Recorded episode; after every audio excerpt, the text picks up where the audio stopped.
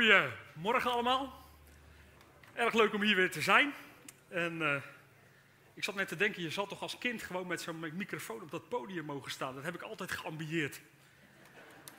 Ik heb het ooit één keer geprobeerd. En toen waren ze zo wijs om bij de techniek het geluid weg te draaien. Dus ja, dan hou ik het maar op deze plek. En die microfoon om te zingen, die, eh, die moeten we dan maar aan de kinderen doorgeven, lijkt me. Toen ik vanmorgen hier naartoe reed, toen uh, vanuit de mooie Hoekse Waard, ondertussen na 13 jaar Breda, zitten we alweer 11 jaar in de Hoekse Waard als uh, predikant-echtpaar in de kerk van de Nazarener daar. Toen had ik even mijn, uh, mijn radio aan. Ik ben gek op natuur. En op zondagmorgen, als je ergens naartoe rijdt om te spreken, is er een uitstekende gelegenheid om naar het programma Vroege Vogels te luisteren. Dan krijg je allerlei nieuws. En vanmorgen ging het over een film die volgende week uitkomt. En dat is de film Wolf. Er gaat geen lampje branden. Jullie lopen hier niet tegen wolven aan hier in deze streek. Uh, wij zijn van de zomer naar Macedonië en naar, uh, naar Albanië geweest. En uh, in een gebied waar wolven waren. Ik heb mijn rotje gezocht, maar ik ben ze helaas niet tegengekomen. Maar het ging over het feit dat de maker van de film onder de indruk was van het feit dat een paar wolven in Nederland eigenlijk zo'n enorme invloed hadden. Invloed op andere dieren, invloed op de ontwikkeling van bos. Uh, het hele ecosysteem werd beïnvloed en hoe meer ze daar met die film bezig waren geweest en onderzoek deden en, en beelden aan het schieten waren, hoe meer die zei dat hij onder de indruk kwam van dat een paar wolven zo'n ontzettend grote invloed hadden op alles en iedereen daaromheen. Ook op de schapenboeren uiteraard, daar moeten we wel voor zorgen. Maar uh, ja, er was een enorm effect van die paar wolven. En toen dacht ik, hoe zou dat zijn met een paar heiligen? Stel nou dat we een paar echte heiligen hadden. Zouden die net zoveel invloed hebben op onze hele samenleving, op onze hele leefwereld, op de aarde in zijn grote geheel. Um, en als die ene heilige met een hoofdletter nou kleine heilige kan voortbrengen, hoeveel meer mogen we dan mensen zijn die leven met hoop? Een paar wolven waren genoeg voor dat hele veranderde ecosysteem. En een paar heiligen kunnen zo ontzettend veel verschil maken in deze wereld. Voor degenen die mij uh, niet kennen of nog niet kennen. Ik heb hier ooit twee jaar rondgelopen, tussen 1995 en 1997. Ik was tot geloof gekomen, ik ging naar de Evangelische Theologische Hogeschool. Ik moest een jaar stage doen. Dominee Meenderink was predikant uh, en, en, leraar op de Bijbelschool. Uh, en ik kwam met hem in contact en ik vroeg of ik hier stage mocht lopen. toen hebben we hier twee jaar stage gelopen vanuit de gemeente hier is toen de gemeente in Breda gesticht. We zijn toen als gemeentestichters naar Breda gegaan. Misschien zijn er zelfs nog wel mensen hier die daaraan meegeholpen hebben of voor gebeden hebben. Um, we hebben 13 jaar in Breda gestaan. Daar zijn onze kinderen geboren. Uh, Sascha, Ruben en Maika. Uh, de jongste is afgelopen week ook het huis uitgegaan. Dus wij hebben ontzettend last van het lege nest-syndroom nu. In ieder geval mijn vrouw. Um, en uh, ik zie allerlei nieuwe mogelijkheden en een ongekende vrijheid. maar goed, we hebben samen een artikel bestudeerd wat daarover ging. En we waren heel stereotyp. We pasten volledig in het plaatje. Dus uh, wat dat betreft uh, hebben we nu elf jaar ook in de Hoekse Waard de gemeente gediend. En zijn we nu ook weer een beetje aan het kijken en het nadenken, aan het zoeken van... goh, wat gaat onze toekomst ons, ons brengen? Janneke, ben je ergens in de zaal? Nee. Ik, ik, zocht Janneke, want Janneke die heeft mij gestrikt om hier te zijn vanmorgen. En als ik geweten had dat ze direct daarna ging stoppen met het kerkelijk bureau, had ik nog veel langer nee gezegd natuurlijk. maar toen ze het eenmaal voor elkaar had, toen uh, heeft Henriette het volgens mij overgenomen. En ik moet zeggen, de communicatie was uitstekend. Dus we hebben heerlijk met elkaar uh, ook uh, over deze dienst kunnen nadenken. Mag ik beginnen met jullie vanmorgen een vraag te stellen? Wie van jullie heeft er Eén keertje, misschien vaker, uh, het afgelopen jaar het ons door Jezus aangeleerde gebed, het Onze Vader gebeden. Foei. Gebed wat toch wel eens ergens terugkomt. Een gebed waar in de kerk soms formeel aandacht aan wordt besteed, waar soms over gepreekt wordt, uh, wat je op bepaalde gelegenheden soms met elkaar kunt bidden. Uh, en mijn vraag is eigenlijk, is dat gebed verhoord? Is dat wat je in dat gebed gebeden hebt, is dat verhoord geworden? En dan bedoel ik niet het geef ons heden ons dagelijks brood. Dat zal voor de meeste mensen wel gelukt zijn. En ik bedoel ook niet het vergeef mij mijn schulden of mijn zonde. Dat mogen we ons gelukkig toe-eigenen. Die zekerheid mogen we met ons meedragen. Maar dan bedoel ik eigenlijk vooral uh, die drie verzoeken die we aan dat begin van dat gebed naar de Heere God opzenden. Die eerste drie verzoeken, u kent ze. Onze Vader, u die in de hemel woont, laat toch uw naam geheiligd worden. Wat dat ook maar mag betekenen. En daar kun je een preek op zich over schrijven, denk ik. Laat toch uw koninkrijk komen. Laat toch uw wil geschieden. Zijn die gebeden verhoord? Heb je daar een concrete ervaring van waarin je zegt: Ja, ik heb dat gebed naar de Heere God opgezonden. Het was een noodkreet uit mijn hart. Het was iets wat ik ten diepste zo graag had gewild. En dat heb ik ook nog verhoord zien worden. Of is die vraag misschien veel lastiger te beantwoorden? Vanmorgen wil ik met jullie eigenlijk de middelste van die drie er eens even wat meer uitpikken. En ik wil graag de, de blik focussen op wat we daar nu eigenlijk zeggen, wat we eigenlijk vragen en hoe we daar op de een of andere manier ook zelf als mensen bij betrokken zijn. Laat uw koninkrijk komen. Is dat gebed verhoord in en rondom uw leven het afgelopen jaar? Of misschien moeten we wel beginnen bij een aantal andere vragen. Waar gaat dat eigenlijk ten diepste over? Waar bidden we om als we deze woorden naar de Heere God toespreken? Vanmorgen wil ik met jullie nadenken over het thema de realisatie van het koninkrijk van God. Dat is het centrale thema. Dat is waar je Jezus het eigenlijk voortdurend over ziet hebben in zijn jaren dat hij op de aarde rondliep en dat hij met mensen sprak en dat hij mensen een bepaalde richting op probeerde te krijgen, dat hij iets van de hemelse werkelijkheid op aarde probeerde te verwezenlijken. Het gaat voortdurend over de realisatie van het koninkrijk van God, het zichtbaar worden van het rijk van de hemel. En dat verwerkt hij uiteindelijk in een gebed, wat hij ons voorhoudt. En een gebed waarin we uitgedaagd worden om dat na te bidden. De vraag naar die realisatie van het koninkrijk van God was ook een vraag die de mensen in de tijd van Jezus bezighield. Heel vaak kwamen de mensen naar hem toe met woorden van soortgelijke strekking. Hoe zit het nou met dat koninkrijk? Dat koninkrijk der hemelen, dat koninkrijk van God. Wanneer gaan we daar iets van zien? Wanneer gaan we daar iets van merken?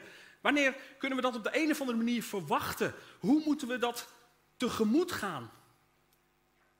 En zo ook in een gedeelte wat ik graag met jullie wil lezen uit Lucas hoofdstuk 17.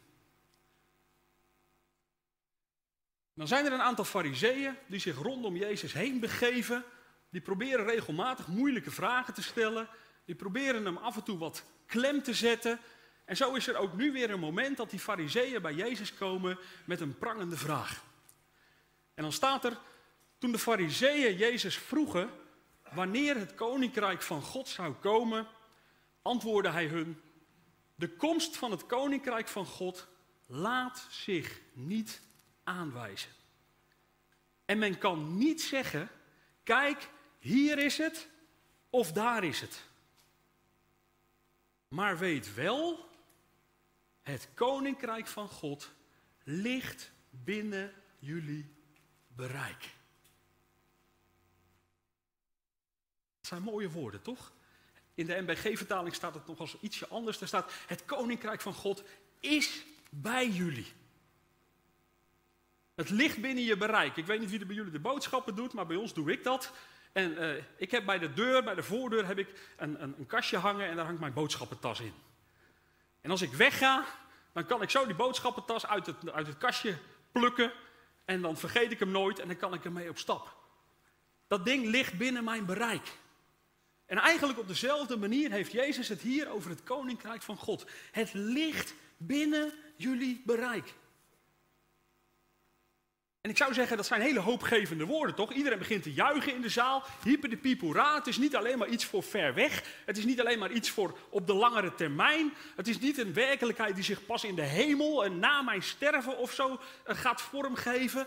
Het is hier en nu op de een of andere manier mogelijk dat dit zichtbaar wordt. Het is geen utopie voor alleen maar de toekomst. En ook die fariseeën die zijn met die vraag bezig. Dat koninkrijk van God, die koninkrijksgedachte, dat was iets bijzonders. Dat ging ergens over. Dat had een diepgang, dat had een lading, dat had een verwachtingspatroon. Voortdurend zag je die mensen rondom Jezus over dat thema nadenken. Wat is dat nou precies? Hoe krijgen we dat in de vingers? Waar ligt de realisatie daarvan? Maar de eerste vraag die we onszelf eigenlijk misschien wel moeten stellen is de vraag, waar hebben we het eigenlijk over? Als uw buurman of buurvrouw of uw collega op je werk aan jou zou vragen van, joh, ik ben een eh, theologische term tegengekomen, ik snapte er eigenlijk helemaal niks van. Het koninkrijk van God, waar gaat dat over? Wat zou je dan antwoorden? Ik weet niet of er überhaupt nog mensen zijn die die vraag stellen, maar Stel dat je die vraag zou krijgen. Wat zou je dan antwoorden? Ik wil er graag een paar dingen over zeggen. Als we de Bijbel goed lezen, dan zien we in ieder geval als eerste dat het koninkrijk van God ten diepste niet is goede dingen doen. Dat is een invulling die we er makkelijk aan kunnen geven als kerk of als gelovigen. Het koninkrijk van God, nou, dat gaat gewoon over goede dingen doen, over iets goeds of zo. Maar het gaat in de Bijbel ten diepste niet over goede dingen doen. Dat is niet de kern van het koninkrijk van God. Het gaat niet over uh, samen goede dingen doen voor deze wereld. Hè. Dat proberen we als kerk vaak. En we hebben in de Hoekse Waard hebben we een voedselkast hebben we aan de kerk opgehangen. En daar, die wordt bevoorraad en mensen kunnen daar uithalen als ze financiële nood hebben of als ze het niet meer kunnen bolwerken.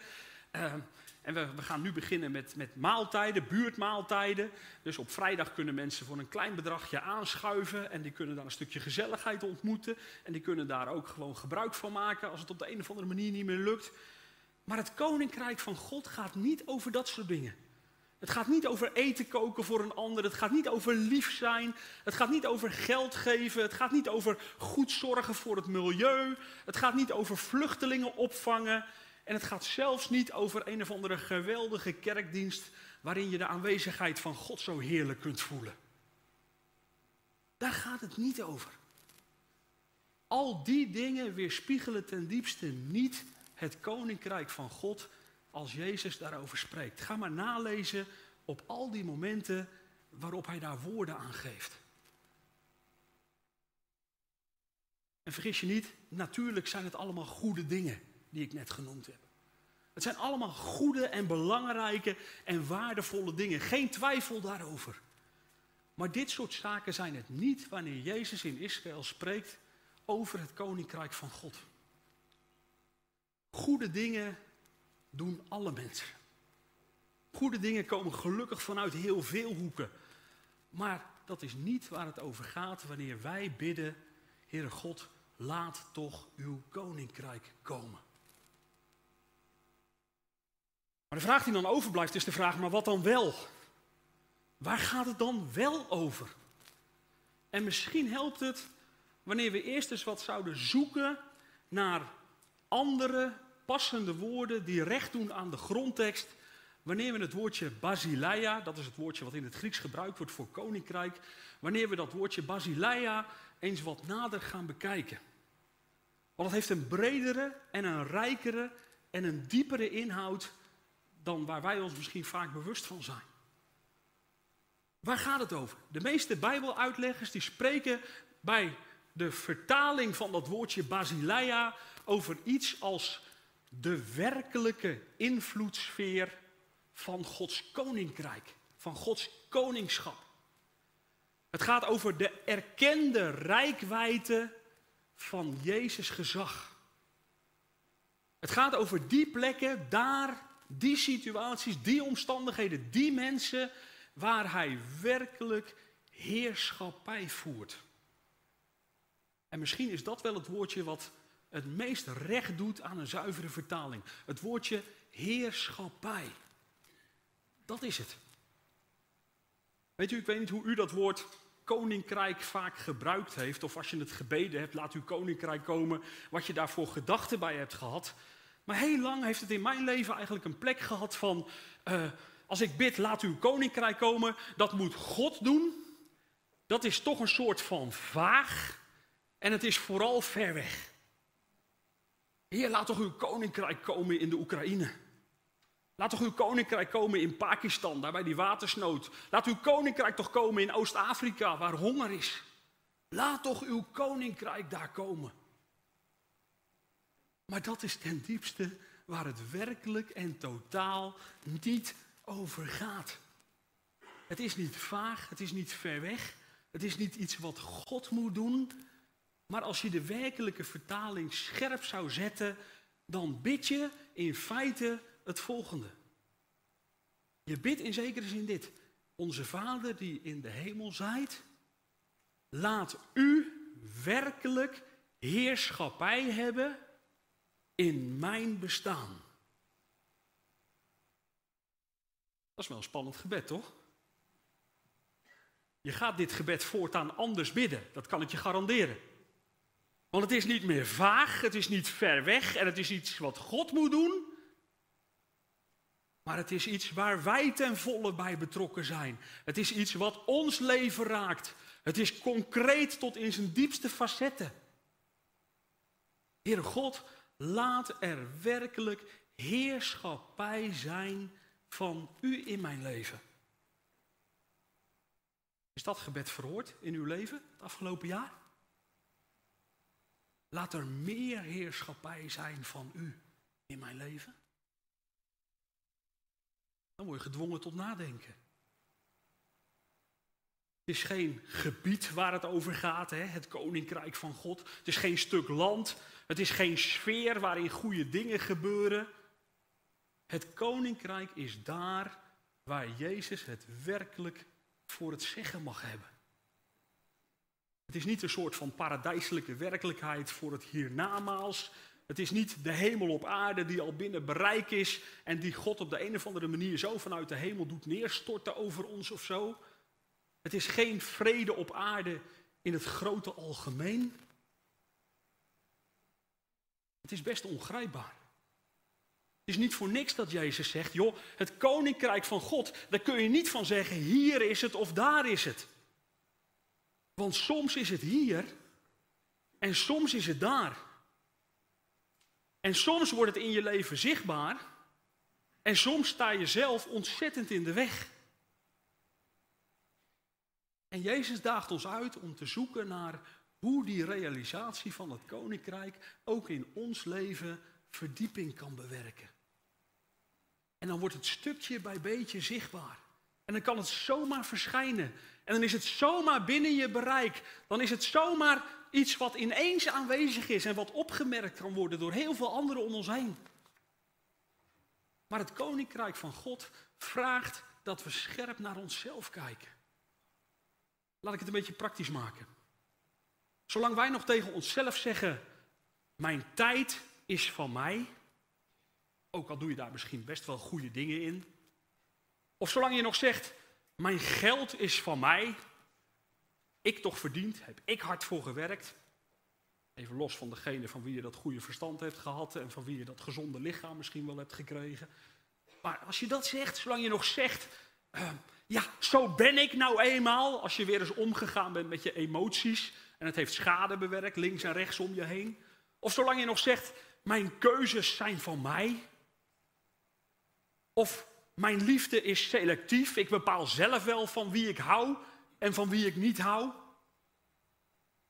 Zolang we nog altijd in dat soort van denken zitten, kunnen we niet spreken van het koninkrijk van God in ons leven. Het gaat in de Bijbel over een staat of een toestand waarin God heerst en regeert in een mensenleven. Daar is het koninkrijk. Inclusief ook al die vragen en hiaten die er dan misschien in ons leven nog steeds volop overeind blijven staan. Het gaat op het scherpst van de snee over de tegenstelling die klinkt in de woorden van Jezus. Wanneer hij ergens in het evangelie, en hij zegt het vol verwondering, vol verbazing, vol verbijstering misschien wel. Dan zegt hij op een gegeven moment tegen de mensen om hem heen, mensen die zeggen hem te volgen, mensen die hem ergens zijn nabijheid zoeken. Dan zegt hij, jullie noemen mij Heer, maar je doet niet wat ik zeg. En je proeft het ongeloof in Jezus' woorden. Je proeft zijn emotie. Je proeft zijn hart. Hoe bestaat het nou? Dan wordt het koninkrijk nooit werkelijkheid.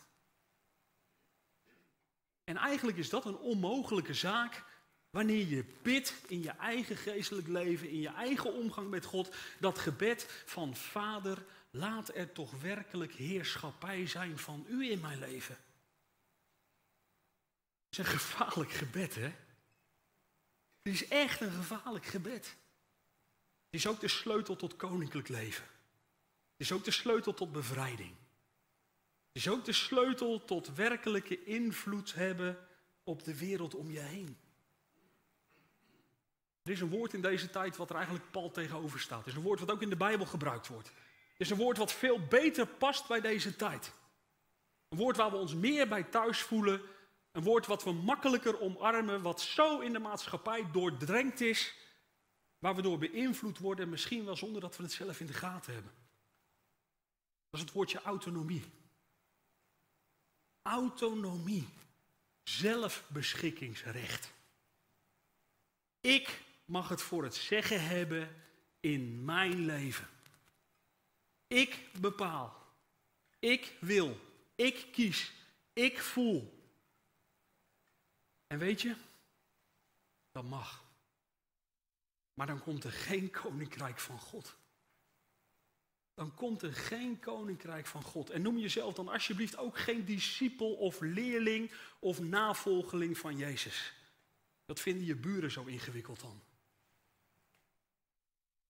En natuurlijk is het een proces om de heerschappij van God in je leven toe te laten. En natuurlijk is het iets wat moet gebeuren vanuit verlangen, vanuit vertrouwen, vanuit overgave. Omdat je je veilig voelt bij God. Noem het hele verhaal maar op. Je mag het doen omdat je God kent. Omdat we toch met elkaar zingen en beleiden dat God goed is. En dat zijn goedheid uiteindelijk onveranderlijk is. En dat zijn goedheid ook ons leven mag raken omdat we geloven in het karakter van zijn liefde.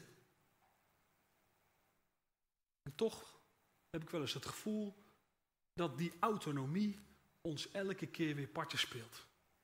Dat die autonomie zich elke keer weer aan ons opdringt en dat we daar op heel veel momenten uh, misschien wel toe verleid worden om daarvan uit te denken, te handelen en te doen, in plaats van ons oog gericht te hebben op die heerschappij die Christus wil hebben in ons leven en die werkelijk een andere samenleving brengt.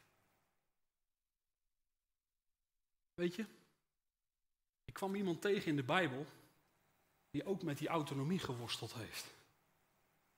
En ik was zo ontzettend gelukkig dat ik deze persoon tegenkwam. En het raakte me. Het raakte me intens. Ik kwam iemand tegen Misschien kennen jullie hem, zijn naam was Jezus. Die ook worstelde met dat begrip autonomie.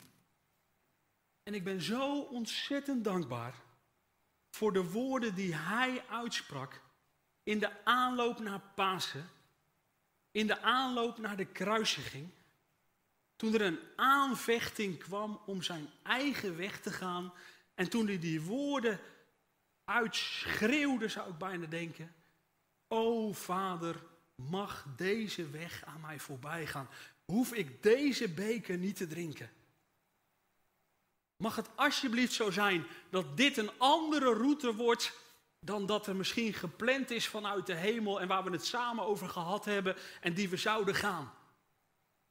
Maar er is een moment en dan is Jezus zo onder die invloedssfeer van de autonomie. Vader, mag deze weg aan mij voorbij gaan. En dan komt er een sleutelmoment. Dan komt er een schakel op dat moment en volgens mij is dat de ongelooflijk belangrijkste schakel in het leven van een christen. Dan komt er een schakelmoment, want er komt een hele grote maar. Maar, vader, zegt Jezus. Maar, niet mijn wil. Niet mijn wil geschieden in mijn leven. Geen autonomie. Niet ikzelf op de voorste rij. Weet je, dat is heerschappij. Dat is koninkrijk. Nergens in de Bijbel komt de verhoring van dit gebed. Laat er toch heerschappij zijn van u in mijn leven, Vader. Nergens in de Bijbel komt dat dichterbij dan in die strijd van Jezus op Golgotha. Niet mijn wil. Op Golgotha wordt het koninkrijk zichtbaar zoals nergens anders. Dwars door de verzoeking van de autonomie heen.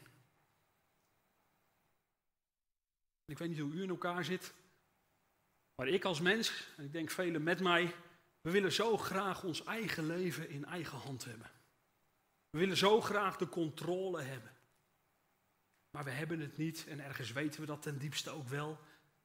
En van Jezus hoefde dat ook niet, want die vond dat we het in vertrouwen echt aan zijn vader konden overgeven. En de verzoeking die we zien bij Jezus, die herkennen we denk ik allemaal. Maar we worden uitgedaagd om steeds weer na te denken over die woorden van Jezus. Niet mijn wil.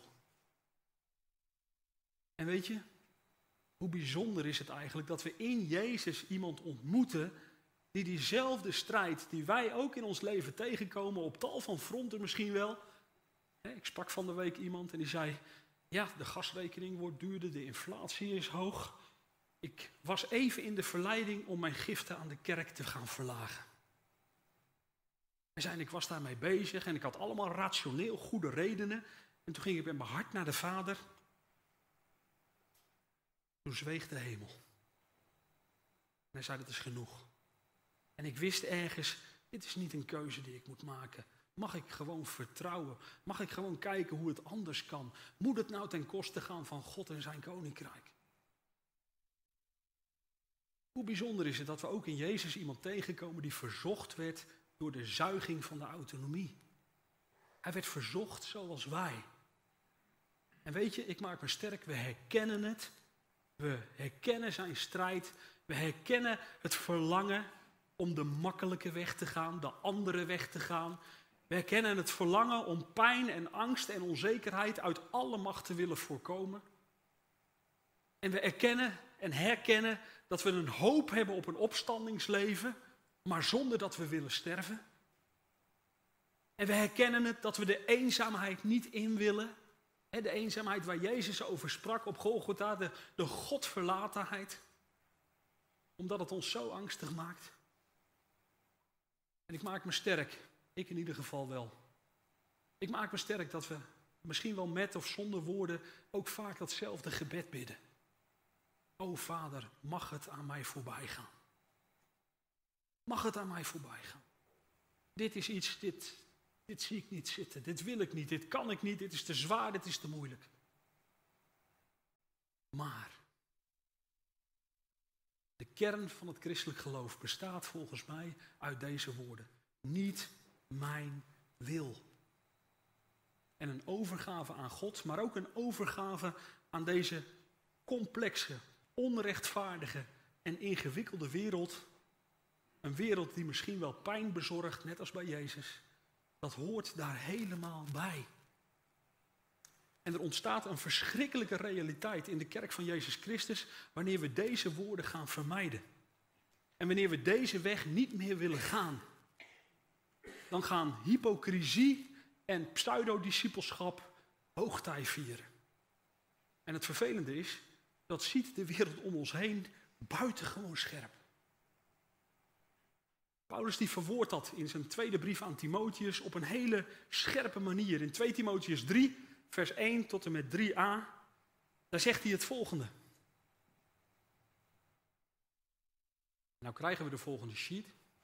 Kijk, daar zegt Paulus, weet dat de laatste dagen zwaar zullen zijn. De mensen zullen egoïstisch zijn, geldzuchtig, zelfingenomen en arrogant. Ze zullen God lasteren. Hé, hey, dat is grappig hè? Dat doe je alleen als je in God gelooft. Ze zullen God lasteren. Ze zullen geen ontzag tonen voor hun ouders. Ze zullen ondankbaar zijn en niets heilig achten. Ze zullen harteloos zijn, onverzoenlijk, lasterziek, onbeheerst en wreed.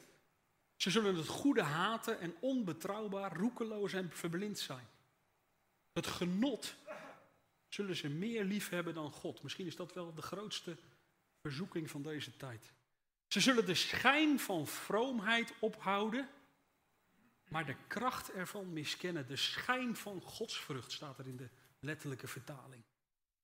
Het zijn mensen die op de een of andere manier iets met God hebben, iets van besef dat God bestaat, geloof dat God bestaat, en die toch op de een of andere manier in een andere route verzeild zijn geraakt. De Bijbel spreekt over een schijn van godsvrucht. Dat zijn mensen die dus iets voor willen houden. Alsof het echt is. Alsof het waar is. Alsof het iets is waar ze uit leven. Het lijkt er aan de buitenkant best een beetje op. Maar het is krachteloos en slap, zegt Paulus. Het is niet het koninkrijk. Ze zullen wel goede dingen doen wanneer het ze uitkomt. Maar op het moment dat mijn wil en niet mijn wil met elkaar botsen, dan is de keuze gauw gemaakt.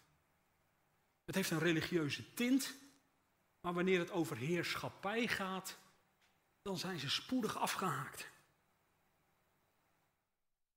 En toch, toch zegt Jezus in Johannes 17, in Lucas 17, dat het koninkrijk van God binnen ons bereik is. En dat heeft dus alles met jou en met mij te maken. Willen we meewerken aan de verhoring van het gebed wat we zelf bidden? Vader, mag er meer heerschappij van u komen in mijn leven? Dan wordt mijn leven mooier door. Dan wordt mijn leven krachtiger door. Dan komt er meer van u naar voren. Mag uw koninkrijk zich werkelijk in mijn leven vestigen, ook wanneer het me wat kost. Ook wanneer het misschien een stukje lijden met zich meebrengt. Wilt u in mij groter worden? Dwars door alles heen. Want dan ziet het leven er zo anders uit. En daar onderscheidt het leven van de discipel zich van het leven van de gelovige. Ik heb wel eens het gevoel dat dat in de kerk van vandaag een heel filijn onderscheid aan het worden is.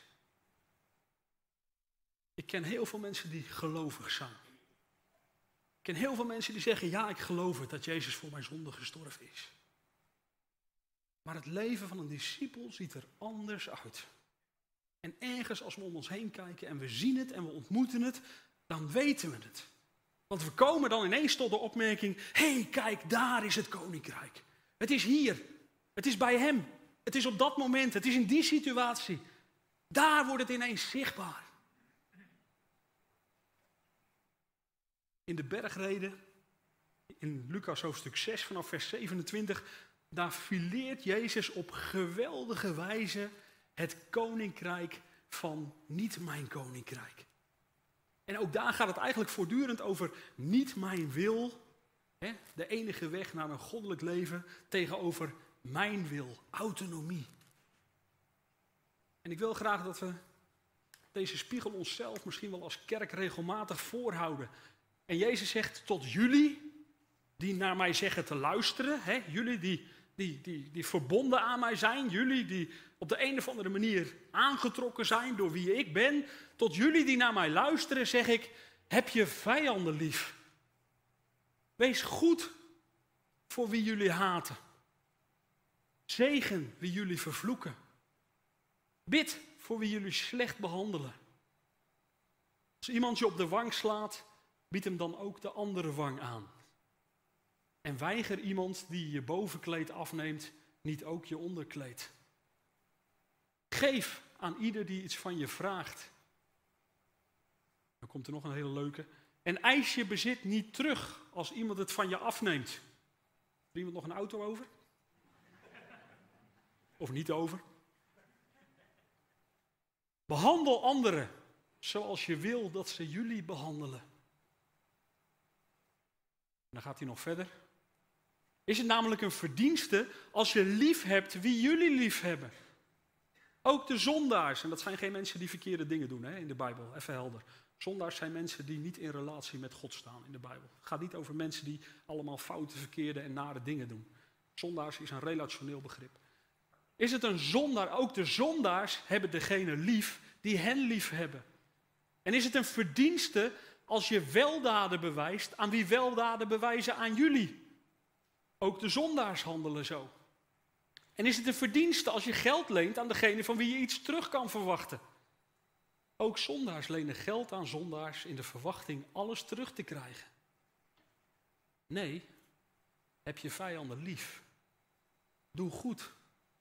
Leen geld aan anderen zonder iets terug te verwachten. Dan namelijk zal je rijkelijk beloond worden. Dan zal je ook als kinderen van de Allerhoogste erkend worden. Want ook God is goed voor wie ondankbaar en kwaadwillig is. Misschien mag ik je vanmorgen een klein beetje uitdagen. Een klein beetje uitdagen om eens scherp te onderzoeken waar dit misschien wel speelt in je leven. Die tegenstelling tussen mijn wil en niet mijn wil. Waar kan er misschien wel autonomie binnengeslopen zijn in je bestaan? Op welk gebied mag God misschien eigenlijk wel niet meer spreken? Waar is er van heerschappij geen sprake of geen sprake meer? Van overgave, van van alles en nog wat waar je in je leven misschien wel mee te handelen hebt. En het is waarlijk niet simpel om jezelf bij te sturen. Maar het kan onder de leiding en de kracht van de Heilige Geest. Het koninkrijk van God ligt binnen je bereik, zegt Jezus. Verandering is absoluut mogelijk. Vernieuwing, het achterlaten van het oude, nieuwe keuzes. Het is een hele reële optie omdat Jezus door zijn geest in je woont. Het is de sleutel tot het koninkrijk. Als wij bidden, Heere God, laat uw koninkrijk komen. Als wij bidden, Heere God, laat er meer heerschappij zijn van u in mijn leven. Dan veranderen die paar wolven dat hele ecosysteem. Het koninkrijk van God is nabij. Geweldenaars grijpen ernaar, zegt Jezus. En jij en ik mogen in onze zwakheid, in onze kwetsbaarheid, dat soort geweldenaars zijn. Afhankelijk van God, maar ook kinderen van God. Gezegend door God. Vervuld met zijn geest. Zodat er een werkelijke verandering plaatsvindt in de wereld waar we in leven. Omdat God met ons, in ons en door ons zijn koninkrijk bouwt. We samen bidden.